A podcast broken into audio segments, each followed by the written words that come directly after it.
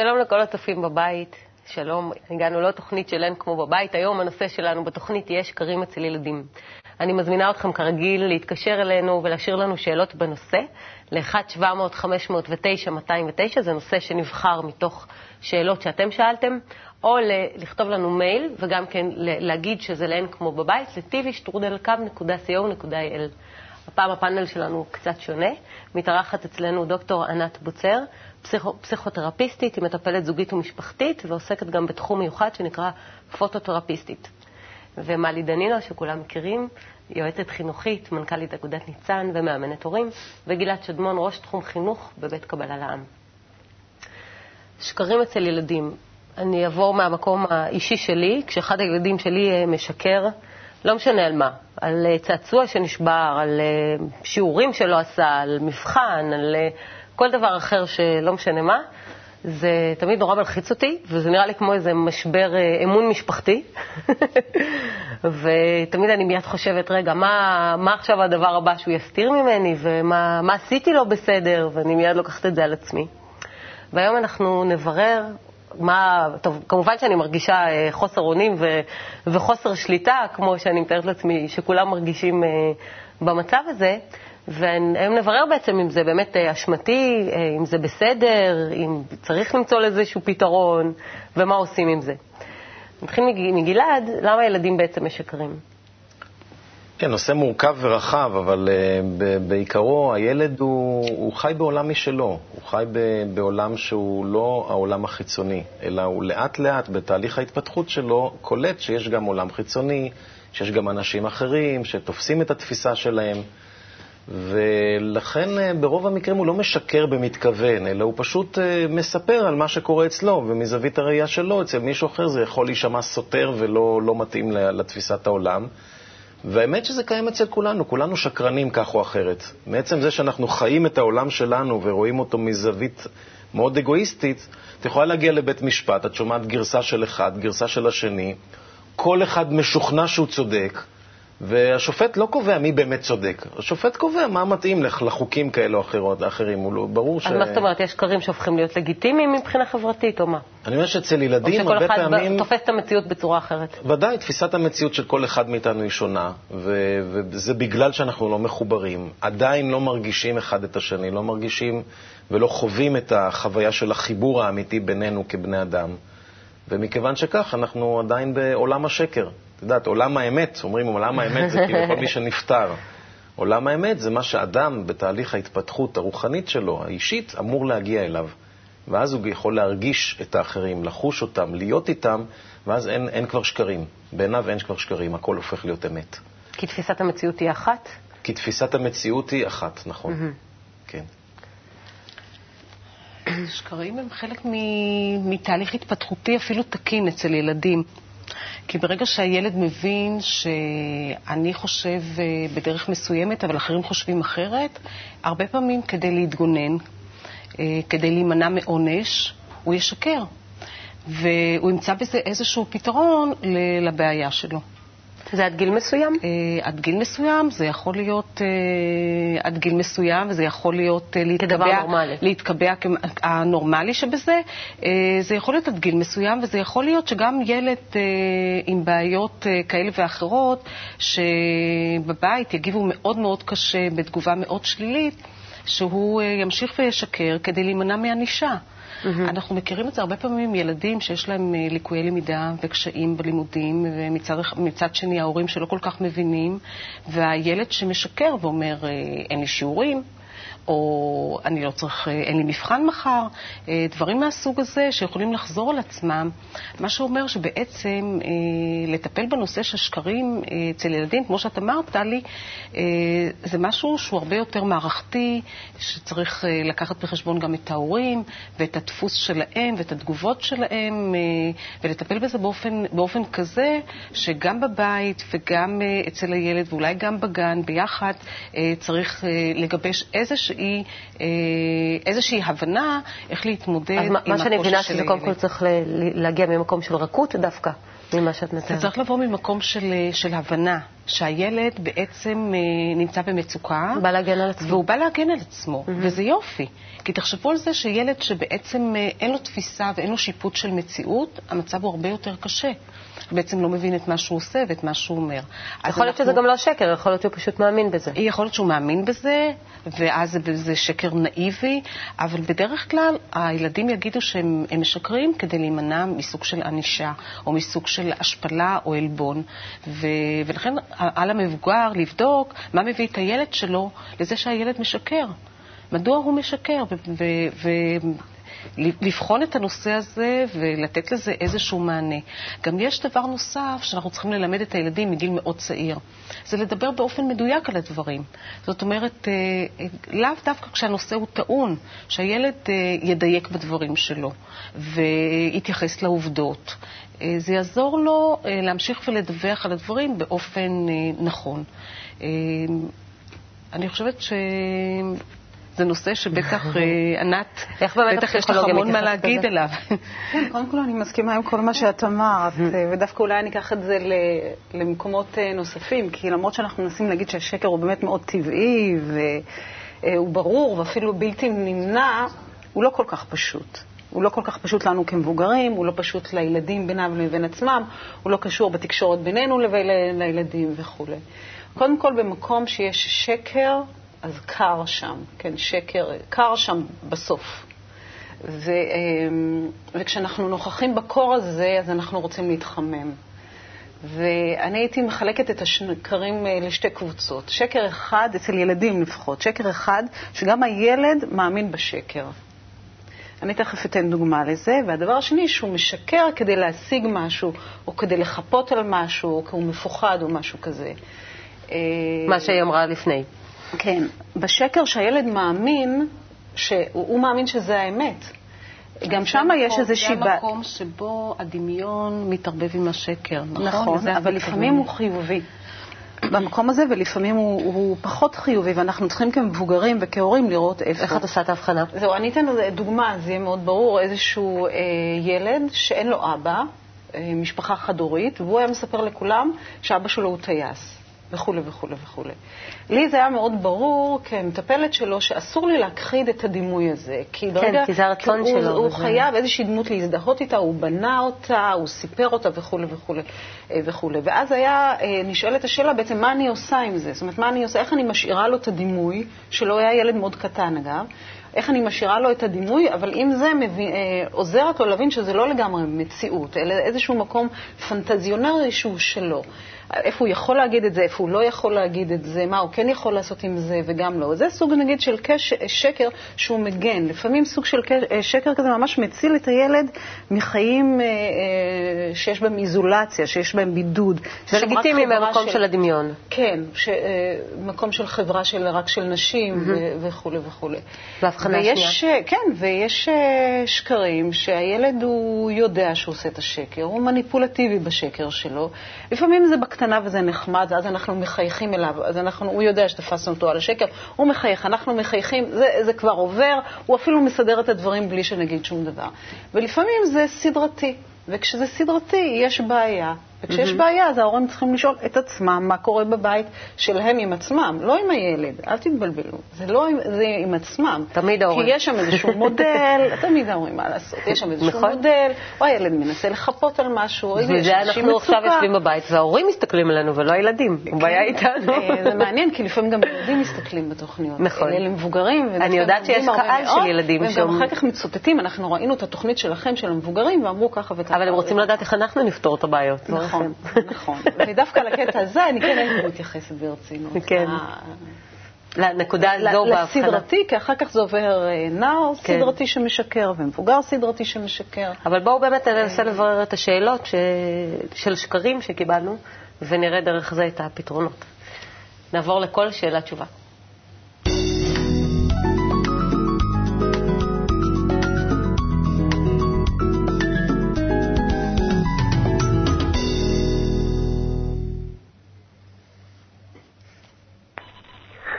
שלום, שמי יעל.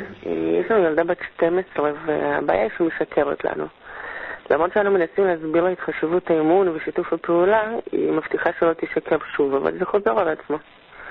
בסך הכל היא ילדה טובה, אבל בגלל שהיא לא מקבלת את כל מה שהיא רוצה והיא מפחדת מהכעס שלנו עליה, היא עושה דברים בגניבה או בהסתר. השאלה שלי היא מה עושים. תודה. זה ממש מה שאמרנו קודם, שהילדה פוחדת, או מהילדה הזאת דורשים יותר מדי. הרבה פעמים הורים פרפקציוניסטים שדורשים אה, שהילד שלהם יהיה מושלם והוא לא יכול להיות כזה, אה, צריך הרבה פעמים לשקר כדי להתגונן. כן, והילדה הזאת מזמינה את האימא לאיזושהי בדיקת, אה, לבדיקה רצינית, אה, ואני חושבת שהרבה פעמים אה, במקרה כזה צריך לעזור להורה להוקיר את הילד גם כשהוא אמר משהו שלא מוצא חן בעינינו. זאת אומרת, אה, איך עושים את ההבחנה הזאת כדי לעודד אותו בפעם הבאה כן לומר את האמת. אה, בצדק שהאימא מרגישה איזשהו חוסר אמון אה, בינה לבין הילדה, אבל האחריות מוטלת לא רק על הילדה, אלא גם על האימא. זאת אומרת שהילד מרגיש שהוא לא הולם את הדמות שהאימא הייתה רוצה להיות. לא, הוא לא הולם, הוא לא מקבל את מה שהוא רוצה, הוא מקבל אולי כעס, אולי אי שביעות רצון. צריך לבדוק מהם התגובות של ההורים שבעצם מעודדות את הילדה הזאת. הזאת לנהוג כפי שהיא נוהגת. מעבר לזה, הייתי אומר שהתכונה הזאת, יש תכונה גנטית. אחד, אחד נולד יותר עצבני, השני נולד יותר אה, אה, קול, והשלישי נולד יותר שקרן. יש איזו אה, תכונה כזאת. עכשיו, אם יש לילדה את התכונה הזאת ואת הנטייה הזאת, כל מה שצריך זה ללמד אותה להשתמש בתכונה הזאת לכיוון חיובי. איך? ו- איך? אז קודם כל לדבר על זה. נדבר על זה. דבר שני, השקר, סך הכל, השורש שלו הוא מאוד מועיל, כי אנחנו דרך שקרים מתפתחים. כשילד קטן משחק באוטו, או ילדה משחקת בבובה, סליחה על הסטיגמות, יש גם כאלה שהם, גם בנים שמשחקים בבובות ובנות באוטו, אבל בדרך כלל זה ככה. אז, אז הוא, הוא, הוא רואה את עצמו בתוך האוטו, והוא נוסע והוא מדמיין, וכשהוא משחק במשחק של אבירים, אז הם נלחמים ביניהם, וכשיש בית בובות, אז הן מטפלות בבובות האלה ממש בקפידה. אני שומעת אבל שאתה בעצם לוקח את הדמיון ואת השקר לאותו מקום. אני לוקח את הדמיון ואת השקר לאותו מקום כי זאת נטייה, זה מראה על יכולת דמיון מפותח. תראו, סרטים נהדרים שאני מאוד אהבתי לראות, סיפורי נרניה, או Never Ending Story, גם הספר וגם הסרט. כולם מבוססים על ילדים שבהתחלה אמרו להם שהם שקרנים. ואחר כך הם נכנסו לתוך העולם שלהם, ודרך דווקא שימוש בתכונות האלה הם יצאו הרבה יותר מחוזקים והרבה יותר מחוברים למציאות. כי במציאות שלנו אין מה לעשות, כמו שאמרנו בהתחלה, כולם שקרנים. כל אחד רואה את הזווית, את מהזווית שלו, כי אנחנו בנויים כרצון לקבל הנאה ותענוג. והשכל שמתפתח ליד, מתפתח כאשר אנחנו לא מצליחים למלא את הרצון הזה. אולי אנחנו מבלבלים. אז אם הילדה הזאת, שנייה, אם הילדה הזאת על ידי אימא נשפטת וצועקים עליה וכועסים עליה על המון דברים, השכל שלה מוצא תירוצים איך להצדיק את מה שהיא מרגישה. והתירוצים האלה נראים כלפי חוץ כשקר. יש תרבויות שלמות, דרך אגב, שהם כולם שקרנים. במזרח, במזרח, אה, במזרח, הרבה פעמים, אני זוכר שהייתי שם בטיול, מישהו אומר לך כן, והוא יודע שאתה מבין כן והוא מתכוון לא. עושה גם ככה בראש, אל תשמע. אה, כן. זה לא ברור אם הוא... את עושה את זה יפה, אני רואה שגם את היית שם. הייתי, יש כמה שורשים. כן. או, אה, ידוע למשל שמכונת אמת בתרבויות מסוימות, פעם ניסו בשבט מסוים של בדואים לבדוק במכונת אמת אם עשה משהו מישהו או לא, והמכונת אמת לא, לא זיהתה את זה. כי הוא אומר משהו, הוא בטוח שזה נכון, לפי קנה המידה והתרבות, אמות המידה שלו, זה נכון, והמכונה לא מזהה תגובות שמעידות על כך שאתה לא שלם עם עצמך. כי זה בעצם שקר, כן. כי אתה לא שלם עם עצמך. ולכן הילדה הזאת, נחזור חזרה לאימא, כי היא בעצם מחפשת תשובה. לבוא ולראות איך אפשר להשתמש בדמיון של הילדה, ללמד אותה לפתח אותו ולהסביר לה, זה בתפיסה שלנו נחשב כשקר וזה של אמת, ומאוד חשוב לא לבייש אותה. נכון. לא לבייש אותה על השקרים לא ש... לא להגיד לה את שקרנית, למשל. כן, כן, זה מאוד מבייש, כי, כי, כי זאת, זה אני, זאת התפיסה שלי. מה אתם... מה אתם זה, זה, זה כמו לדכא, זה כמו לקחת חיה שיש לה תכונות טבעות ולתת לה מכות עד שהיא מאולפת. כן. וזה דבר שצריך להיזהר ממנו. הרבה פעמים הורים הופכים להיות כמו בלשים או חוקרים של המשטרה, ומתחילים לשאול את הילדים אה, בצורה כזאת, שהילד אה, פשוט מגיב ככה, שהוא משקר. הוא חייב להגן על עצמו. כי הוא פשוט מגן על עצמו. כן. עצם טון הדיבור לפעמים, צריך לבדוק את כל הדברים האלה. כדי לעזור לילדה, כי אני חושבת שתכונה כזאת היא מפריעה. ילדה שמשתמשת בשקר כמנגנון של הגנה ומביאה את זה גם למפגש עם חברים וחברות, זה יכול לעורר אחר כך בעיה גם בעתיד. באמון שהיא, שהיא מקבלת בחברת השווים שלה ובכלל. זו לא תכונה שהיינו רוצים שהיא תתפתח. כן, אני הייתי גם לוקחת את זה כלהגיד אה, שהשקר במקום הזה הוא איזשהו מקום נפלא להתפתחות. כי אני יכולה לקחת אותו לפחות בדמיון שלי אה, לשני מקומות. מקום אחד זה פשוט לשיחה אינטימית עם הבת שלי. לא באמת, אני מסכימה איתך, לא לבייש אותה באותו רגע. לא לבייש אותה, אלא אחר כך לשבת ולדבר איתה. ולא דווקא במקום, אה, נגיד, אני רוצה לדבר איתך, להיכנס אליה לחדר, לסגור את הדלת, אלא ליצור איזושהי אווירה מאוד אה, נעימה, ששם אני מדברת עם הבת שלי. אנחנו מדברים על גיל בת 12 גם, ילדה כן, שמתחילה כן, לגיל ההתבגרות. כן, אני יכולה להזמין אותה לקפה באיזשהו מקום, אני יכולה להזמין אותה לטיול בים או לטיול לפרחים, אני לא יודעת, תלוי איך כל המשפחה חיה, ולדבר איתה שם על הדברים האלה. להפך, אני פתאום אראה דברים... שוב, במקום רך, לא משפיל ו... לא, כן, ואני אראה באמת מה, מה קורה באמת עם הבת שלי. יש שם איזושהי סיבה. שהיא משקרת. זה לא, אה, בפרט אם זה אה, יותר מפעם אה, אחת, זאת אומרת שזה הרבה. שזה סיסטמטי, כן. כן. יש כאן, הייתי הולך עם זה עוד, רוב האנשים שמשקרים, זה יוצר, באמת משקרים, לא שדמיון, זה יוצר אצלהם מתח בגוף. אז אפשר לראות את זה בסימני גוף, אדם שמגרד באף תוך כדי שהוא אומר משהו לא נעים, משחק עם... אפשר לראות את זה גם בסימני הגוף. אדם שמשקר זה כמו בסדרות הבלשיות, הוא רוצה שמישהו יגלה את זה. נכון. פשוט חסרה לו הקשבה. נכון. אז זה, זה גם איזשהו אות וסימן כן. להורים. תקשיבו מה באמת הילד אומר, יכול להיות שהוא לא יצטרך את השקר הזה אם תקשיבו כן. לו.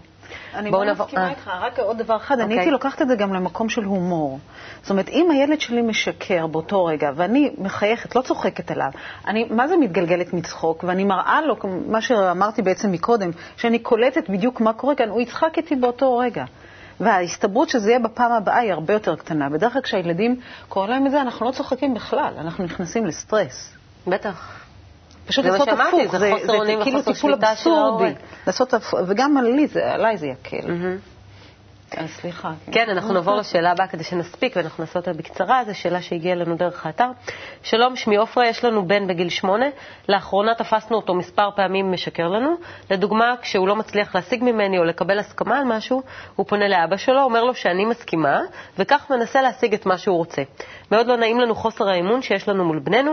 האם עלינו לשוחח איתו? האם יש דרך שהתופעה תיעלם לבד? אולי תתחילו לשוחח ביניכם, שלא יהיו כאלה חורים בתפיסה, ואז לא יהיה לו לאן להיכנס, אז פתרתם לו את הבעיה.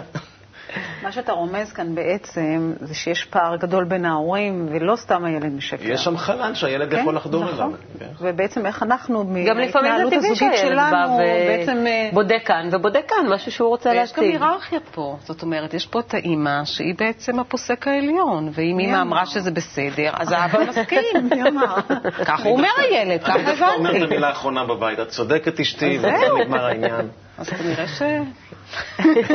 שהילד מבין את יחסי הכוחות ופועל אה, בהתאם. כמו שאמרנו, להורים יש חלק מאוד משמעותי בהתנהגות של הילדים שלהם.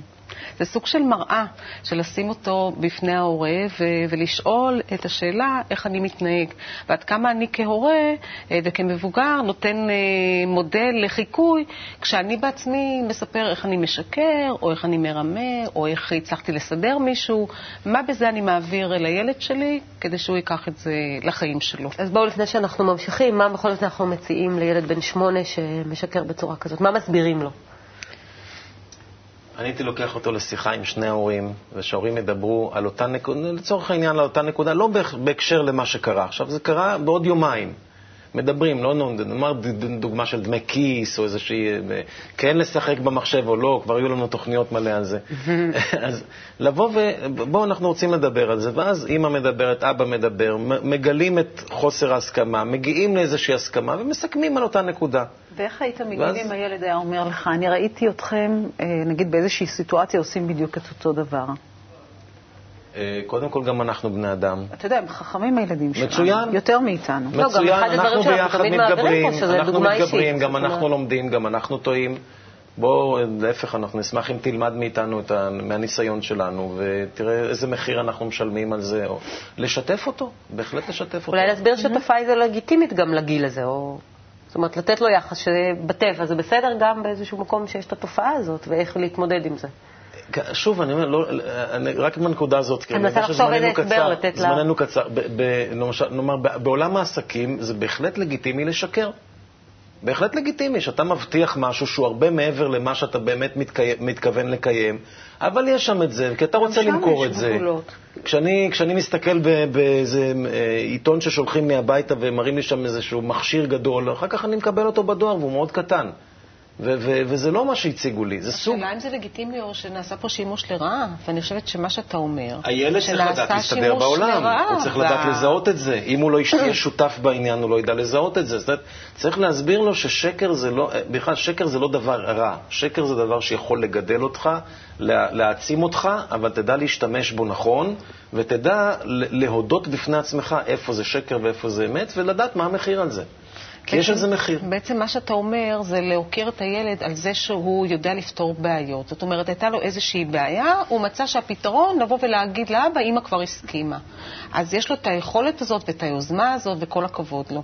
אבל בוא נראה איך אתה עושה את זה בדרך אחרת, גם יוזמתית, שלא תהיה על חשבון זה שאתה תגיד משהו שהוא לא נכון. ולעודד אותו יפה. להתנהגות הרצויה. זאת אומרת, נניח שאימא לא מסכימה, אפשר לעשות עם זה משהו. אפשר לעשות על זה משא ומתן, אפשר לבקש שאבא יבוא ויצטרף ולבקש שוב. אפשר להציע לילד יותר מדרך פעולה אחת, כדי שיהיה לו רפרטואר שהוא יוכל להשתמש בו בבואו לפתור אה, בעיות. כי בעצם לילד הזה יש, אה, יש פתרון אחד, והוא להגיד אה, דבר שהוא לא נכון. ובדרך הזאת להשיג את מה שהוא רוצה. והילד הזה הוא אני, ובואו נראה את הילדים, מה יש להם להגיד על זה. כן. נעבור לפינה הבאה. מזווית של ילד.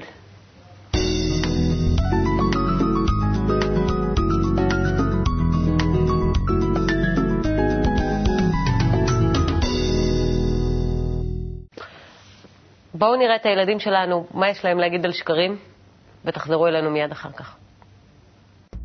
שלום, קוראים לי נעמי, אני בת שמונה. שלום, אה, קוראים לי עמית, אני בת 11 וחצי. אלין ואני בת 10 וחצי. שלום, קוראים לי דוד ואני בן 9 וחצי. לדעתך יש מצבים בהם ילדים משקרים להורים שלהם? כן. כן? כן. מתי למשל?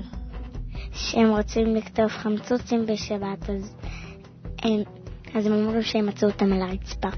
נגיד כמו שהוא במבחן לא מקבל ציון טוב, ואז הוא מתבייש להגיד להורים שלו ש, שיש לו ציון לא טוב, והוא אומר להם שיש לו ציון טוב.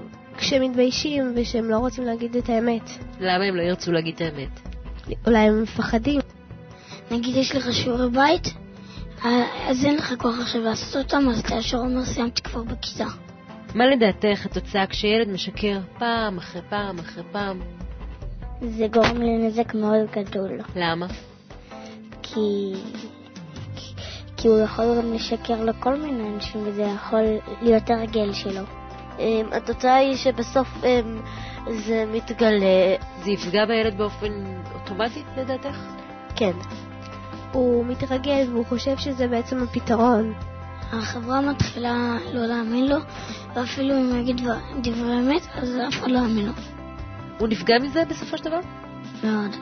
איך היית מרגישה אם היית מגלה שחברה טובה שלך משקרת לך? הייתי מאוד עצובה, והייתי יודעת שהיא כל הזמן הייתה אומרת לי דברים שהם לא נכונים.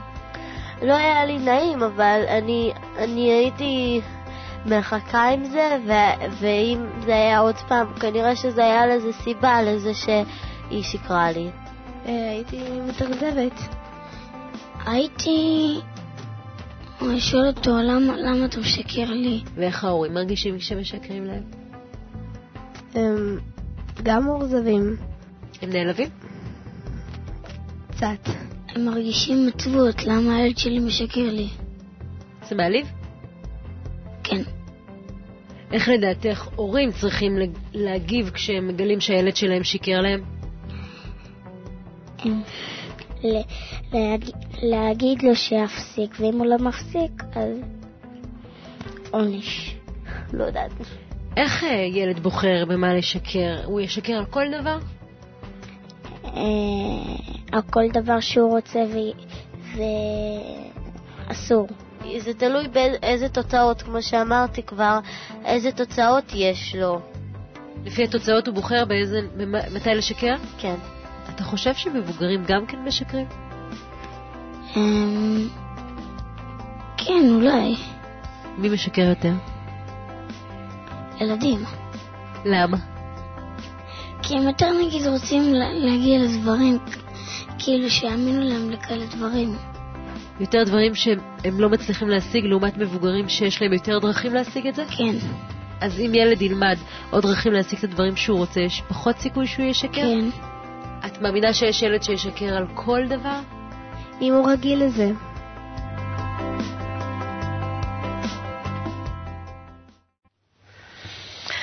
מדהים איך שהילדים כרגיל אין מה להגיד. אמרו את הכל, ממש. אה, כמה שהם מספרים שזה נפוץ לשקר אצל ילדים, אבל כמה הם מתאכזבים כשמשקרים אותם. אבל הדבר הכי מעניין שהם אומרים, שבעצם אה, כשלילדים אין דרכי התמודדות כמו למבוגרים, השקר נחלץ לעזרתם, ובעצם החשש הוא שהשקר יהפוך להיות הפתרון היחיד לכל בעיה שיש להם. מה שבעצם מכוון אותנו לזה שצריך ללמד את הילדים להתמודד כל, בכל מיני מצבים, בכל מיני אירועים, אה, בטח במצבים שבהם אה, mm-hmm. הילד אה, מתקשה בהם. ובעיקר דרך דוגמה אישית. ממש, אתה, אתה, אתה לא יכול להגיד לילד, אל תשקר, ואחרי זה כשהוא עולה לאוטובוס להגיד, תגיד שאתה פחות מגיל ארבע או משהו כזה. כן. אם, אם אל תשקר, אז, לא, אז, אז, אז גם אתה אל תשקר, איזה דוגמה כן. אתה נותן לי? וחשוב לזכור שלשקר יש שורש. זה, ש, מה זה שקר? שאנחנו רוצים לצייר לעצמנו תמונה יותר טובה מהתמונה הנוכחית, תמונה יותר אה, אה, שלמה, תמונה יותר אה, נעימה לנו, נוחה לנו, למציאות שלנו. ודרך זה גדלים ומתפתחים. אז שוב, לא, לא כל כך לשלול אותו, אלא יותר לדעת איך להשתמש בו נכון. הרבה פעמים זה לקבל את הילד כמו שהוא. מאוד יעזור לו לא לשקר. כמו שהוא, על הדברים הטובים שלו ועל הדברים הלא טובים שבו. אבל זה אולי לשמור באמת הטיפים, כי הזמן שלנו קצר ואנחנו נעבור לפינת הטיפים.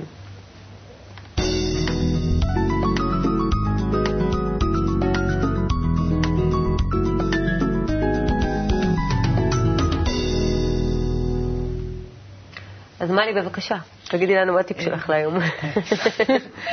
שהשקר אה, הוא איזשהו אה, תהליך התפתחותי תקין אצל ילדים, אה, במידה והוא לא הופך להיות סדרתי ושיטתי, כי אז בעצם נדלקת נורה אדומה, והנורה האדומה מכוונת את ההורים לעסוק בנושא הזה בהיבט המערכתי שלו, ולעזור לילד למצוא דרכים נוספות להתמודדות שלו בכל מיני מצבים ובכל מיני נושאים. כי אם לא נטפל בזה בתוך הבית, הילד הזה יהפוך את זה להרגל, כמו שאמרו הילדים, ועם זה הוא ילך ויאכזב את החברים שלו ואת החברות שלו, ו... ולכן חשוב להתערב ולעשות משהו. דוקטור ענת בוצר. אני הייתי מחבקת אותו, הייתי מכילה את השקר בעצמי, וזה לא פשוט שהמבוגר יכיל את השקר בעצמו. זאת אומרת, גם את השקר של הילד וגם את השקר שהוא רואה את הילד שלו משקר, שזה משהו אחר. ואני הייתי אה, מדברת איתו, הייתי מבררת איתו. דרך הסבר. ואנחנו ראינו את הילדים, הם מדהימים. הם ישרים, הם קולעים, הם רגישים, הם אומרים את הדברים. הם פשוט מנחים לנו את הדברים על, אה, ממש על מגע, שאנחנו רק צריכים לקחת ולבצע. לגמרי. עד שלא נצא מתוך האגואיזם שלנו, מתוך המחשבה על עצמנו, מתוך הרצון הפנימי שאין עליו שליטה, לצייר לעצמנו תמונת מצב יותר טובה מאשר אנחנו כרגע נמצאים בה, אנחנו תמיד נהיה בשקר, גם אנחנו וגם הילדים. לכן, קודם כל, זאת הזדמנות נהדרת להורים להשתמש בילד כמראה וללמד אותו את חוקיות החיים, ללמד אותו ששקר זה חלק מהחיים, צריך לדעת להשתמש בו במידה ולא לשם, לא, לא, לא להגיע למצב שבו יש קונפליקט מאוד גדול בינו לבין המציאות של אחרים. אבל כשנגיע למצב שכולנו אוהבים ומרגישים אחד את השני, רק אז באמת לא יהיה צורך לשקר. כי אז האמת של השני תהיה האמת שלי. הזמן שלנו הסתיים. תודה רבה לכם. הצלחתם להרגיע אותי כרגיל. תודה רבה גם לכם, נתראה בפעם הבאה.